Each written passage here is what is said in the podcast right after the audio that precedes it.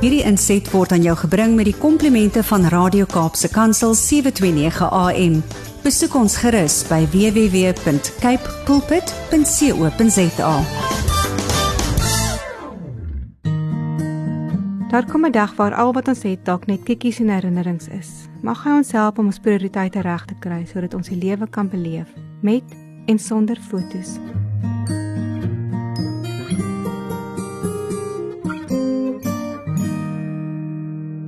Wanneer 'n groot boom val. In die week het daar twee groot bome geval. Die eerste boom is in 'n klein woud waar ek graag hardloop. Ek staan verstom en kyk na die massiewe boom wat oor die paadjie lê. My hart voel eintlik seer. Ek wonder hoeveel wind en weer die boom trotseer het en hoe oud hy regtig was. Die stormwind was een te veel na die brand se skade 'n maand tevore. Ek kyk op na die ander bome wat nog staan. Hoë bome met groen blare wat wapper in die wind, maar onder is die bas donker van die vuur se skade. Wanneer is 'n boom dood? Wanneer ek skielik. Wanneer die blare verdroog en die stroom ophou vloei? Die tweede boom wat geval het, was self 96 jaar oud, geliefd en bemind, beter bekend as Queen Elizabeth. Die wêreld rou en baie is hartseer, maar in hierdie geval is daar tog troos. Haar wortels was nooit sonder anker nie en haar blare het groen gebly tot aan die einde. Op koerant voorblaaie pryk verskeie fotos van die Queen. Haar hare op sommige fotos gryser as ander maar dis die glimlag wat deurlopend dieselfde gebly het. Ons leer ken die verhaal van 'n 25-jarige meisie wat eintlik teen die verloop van die geskiedenis koningin geword het. Baie van haar bekende frases word aangehaal, maar een tref my die meeste. To many of us, our beliefs are of fundamental importance. For me, the teachings of Christ and my own personal accountability before God provide a framework in which I try to lead my life. I, like so many of you, have drawn great comfort in difficult times from Christ's words and example. Ek kry 'n knop in my keel.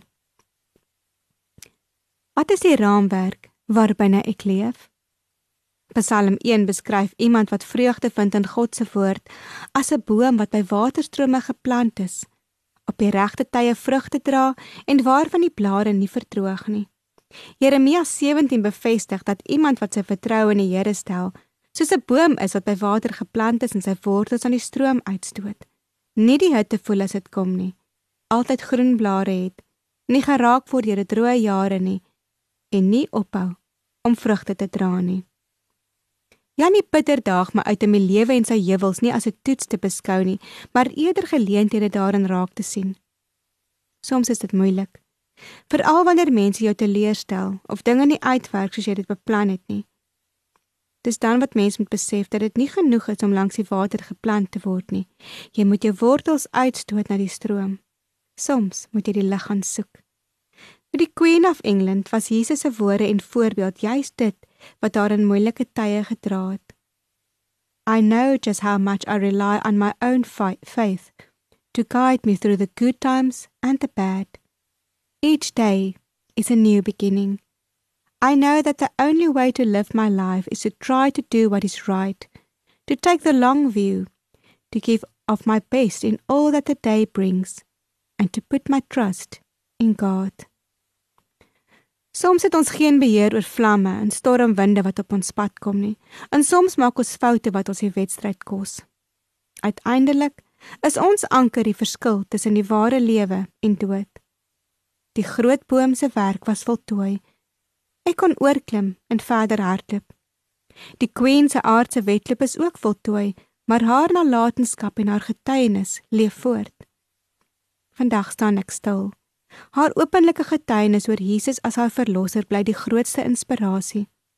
Ek kan nie help om aan die woorde te dink van Jan Silje se gedig aan generaal de Wet nie. Al is dit polities erg ironies dat ek dit vir haar sou wou leen. Stil vriende, daar gaan 'n vrou verby, sy groet en dis verlaas. Daar's nog maar een so sy. Bekyk haar goed. Ek sien haar sagte wyf, Sy was ook maar net 'n mens soos ek en jy.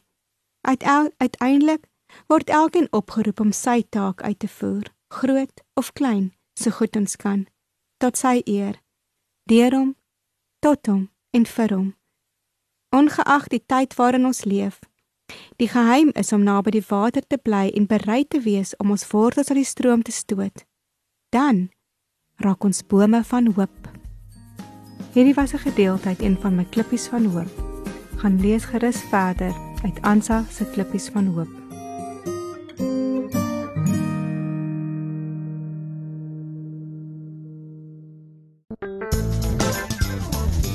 Hierdie inset was aan jou gebring met die komplimente van Radio Kaapse Kansel 729 AM.